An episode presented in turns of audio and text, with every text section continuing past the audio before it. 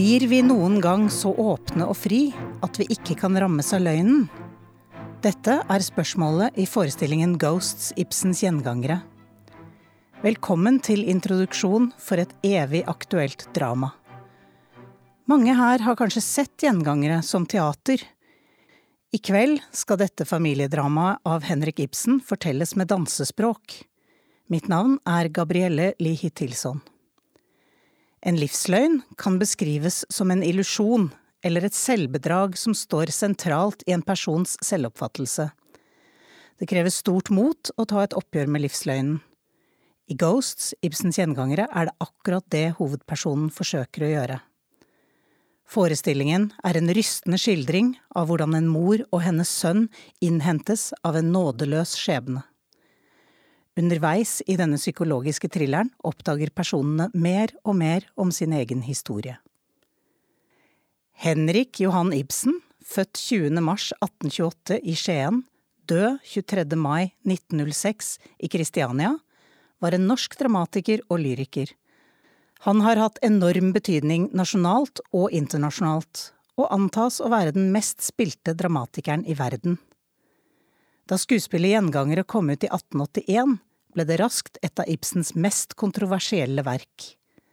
Det berører en rekke forbudte temaer, som syflis, incest, kritikk av ekteskapet som institusjon, barn født utenfor ekteskap, sosiale konvensjoner som ødeleggere av frihet og et lykkelig liv, og ikke minst aktiv dødshjelp. Dette var sosialt sprengstoff. Stykket ble møtt med svært harde angrep, så de færreste teatre våget å sette det opp. I Tyskland ble det forbudt, men spilt illegalt på hemmelige steder. Bokhandlerne sendte bøkene tilbake til forlaget, for de ville ikke ha dem i butikken. Dette var selvsagt alvorlig for Ibsen, fordi han levde av salget av stykkene sine. Verdenspremieren var i Chicago i 1882 og ble spilt for skandinaviske innvandrere. Først nesten 20 år etter utgivelsen ble det satt opp i Kristiania. Gjengangere er en slags gresk tragedie, men spilt ut blant alminnelige mennesker på Vestlandet. Vi møter enkefru Alving, sønnen Osvald, tjenestejenta Regine og hennes far, snekker Engestrand, og familievennen pastor Manders. Hovedpersonenes liv og deres forsøk på frigjøring i nåtiden innhentes av fortidens synder, og alt skjer i løpet av bare noen få timer. Ibsen bruker en retrospektiv teknikk, der han ser tilbake samtidig som han driver handlingen framover. Alt det som skjer med hovedpersonene underveis i stykket, er en direkte konsekvens av det som har skjedd før, og dette avdekkes gradvis. I et dukkehjem som Ibsen skrev to år tidligere, fikk Nora lov til å slippe fri.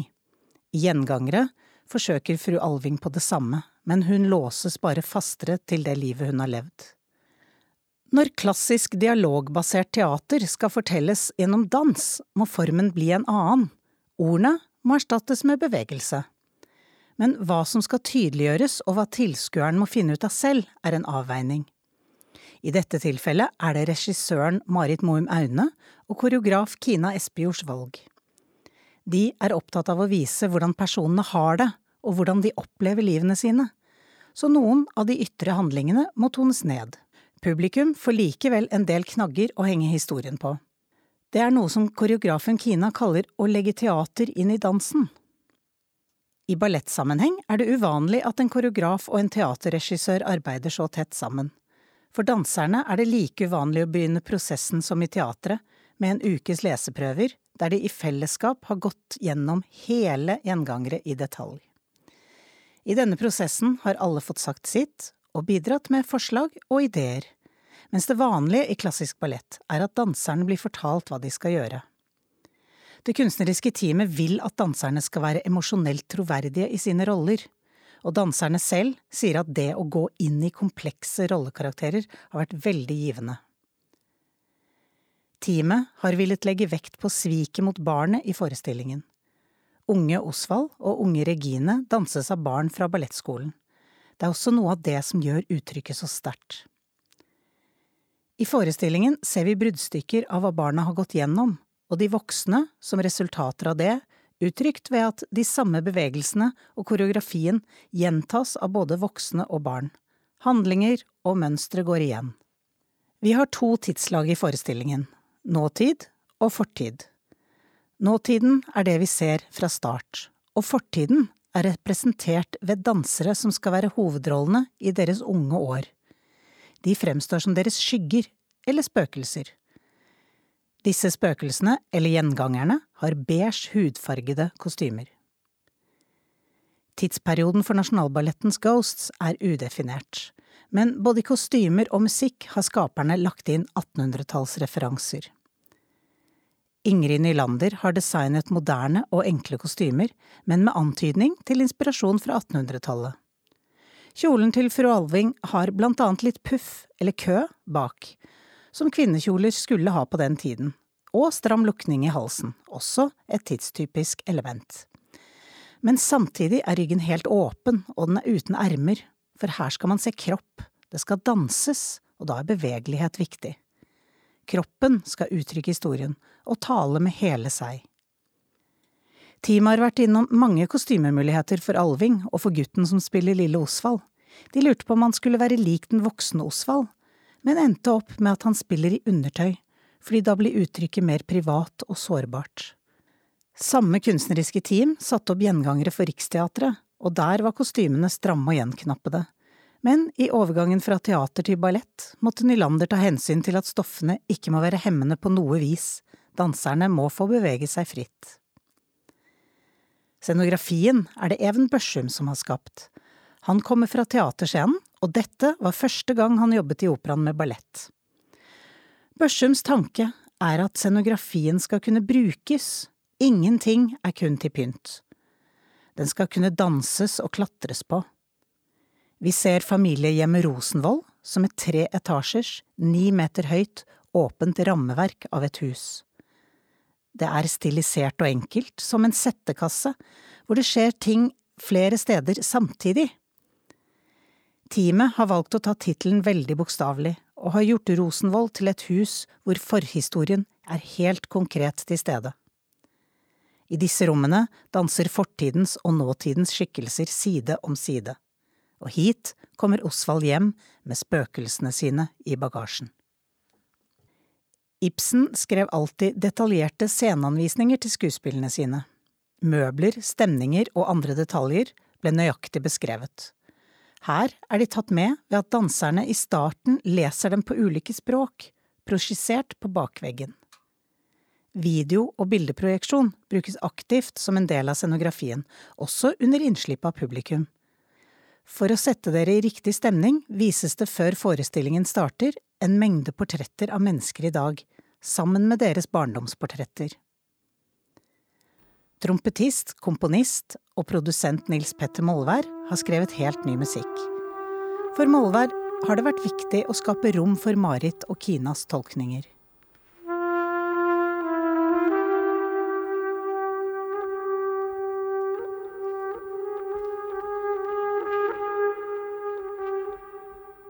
Dansen er solisten her, den skal fremheves. Musikken skal omfavne den, men ikke stå i veien for den. Den er derfor holdt relativt enkel, uten altfor mange virkemidler. Han selv sammenligner det å skape musikk for koreografi med å skape filmmusikk. Den understreker stemningen i scenene og i dansen. Musikken er en blanding av elektronisk og live fremført på scenen, og innspilte lydspor med blant annet harpe og Operaens barnekor.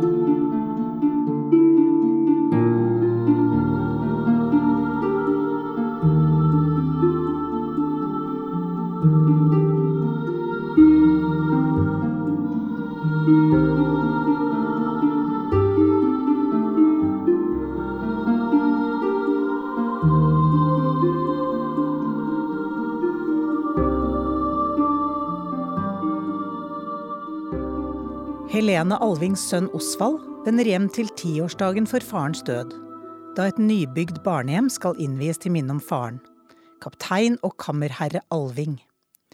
Helene Alving vil begynne sitt liv helt på nytt, som en ærlig, fremskrittsrettet, liberal kvinne. I løpet av første akt kommer det fram at ekteskapet langt fra har vært lykkelig, og at kaptein Alving har levd et utsvevende liv. Sønnen Osvald ble tidlig sendt til utlandet for å unngå farens uheldige innflytelse, men er nå vendt tilbake fra en fri kunstnertilværelse i Paris til en trang vestlandsfjord for å være hos moren over vinteren. Gradvis oppdager Osvald mer av hemmelighetene som tynger familien, men også hemmelighetene han har inni seg. Snekker Engestrand jobber med å ferdigstille barnehjemmet. Han prøver samtidig å innynde seg hos sin datter, tjenestepiken Regine. For etter denne jobben vil han ha henne med seg til byen for å starte et såkalt sjømannshjem, altså et sted av tvilsom karakter. Regine jobber nå i huset hos fru Alving, men det hun ikke vet, er at hun er født etter et forhold mellom kaptein Alving og hans unge tjenestejente i sin tid. Hun er altså egentlig Osvalds halvsøster. Regine tror at snekkeren Engestrand er hennes virkelige far. Osvald og Regine begynner å flørte med hverandre, og de to halvsøsknene innleder et forhold. Når fru Alving ser dem, opplever hun et forferdelig déjà vu. Hun ser Osvald gjenta farens atferd med tjenestejenta mange år tidligere. I teksten sier hun gjengangere, paret fra blomsterværelset går igjen. Nå vil fru Alving sende Regine vekk for å unngå et incestuøst forhold. Pastor Manders kommer på besøk. Han er en gammel venn av familien og den som har fått det økonomiske ansvaret for barnehjemmet. Fru Alving sin motivasjon for å åpne barnehjemmet har vært at Osvald ikke skulle ta noe som helst i arv etter sin far. Alle pengene etter Alving har hun brukt på barnehjemmet. Hun vil på en symbolsk måte befri seg og sønnen fra arven etter faren. Pastor Manders prøver å overbevise Regine om at hun har plikt til å dra med snekker Engestrand til byen. Han har tross alt oppdratt henne, og som enkemann med ett dårlig ben appåtil trenger Engestrand en kvinnes hjelp og omsorg. Regine ønsker derimot å være i et kondisjonert hjem. Hun har i smug lært seg litt fransk for å forberede seg på å reise til Paris med Osvald. Til slutt klarer ikke fru Alving mer og forteller dem at de er bror og søster.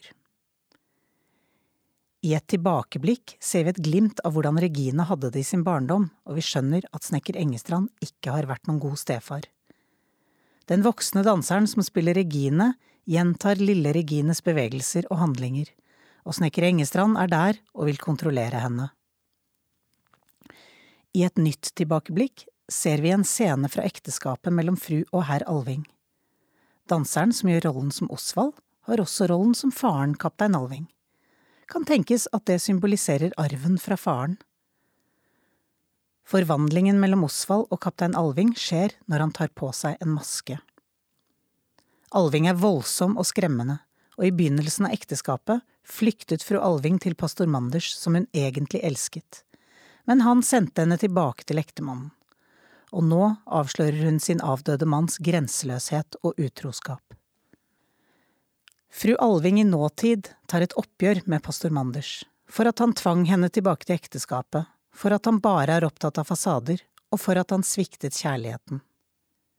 I et siste tilbakeblikk ser vi Osvalds eneste minne om faren, at han lot ham sitte på fanget hans og røyke pipe til han kastet opp. Det antydes at dette egentlig var snakk om et seksuelt overgrep. Gjennom bruk av en dukke ser vi hvordan Osvald får et panikkanfall og hvordan moren begår enda et overgrep mot det lille barnet når hun sender Osvald vekk, i stedet for å ta tak i problemene. Osvald avslører at han har en alvorlig sykdom til moren. Man antar ut fra beskrivelsen at det var syflis.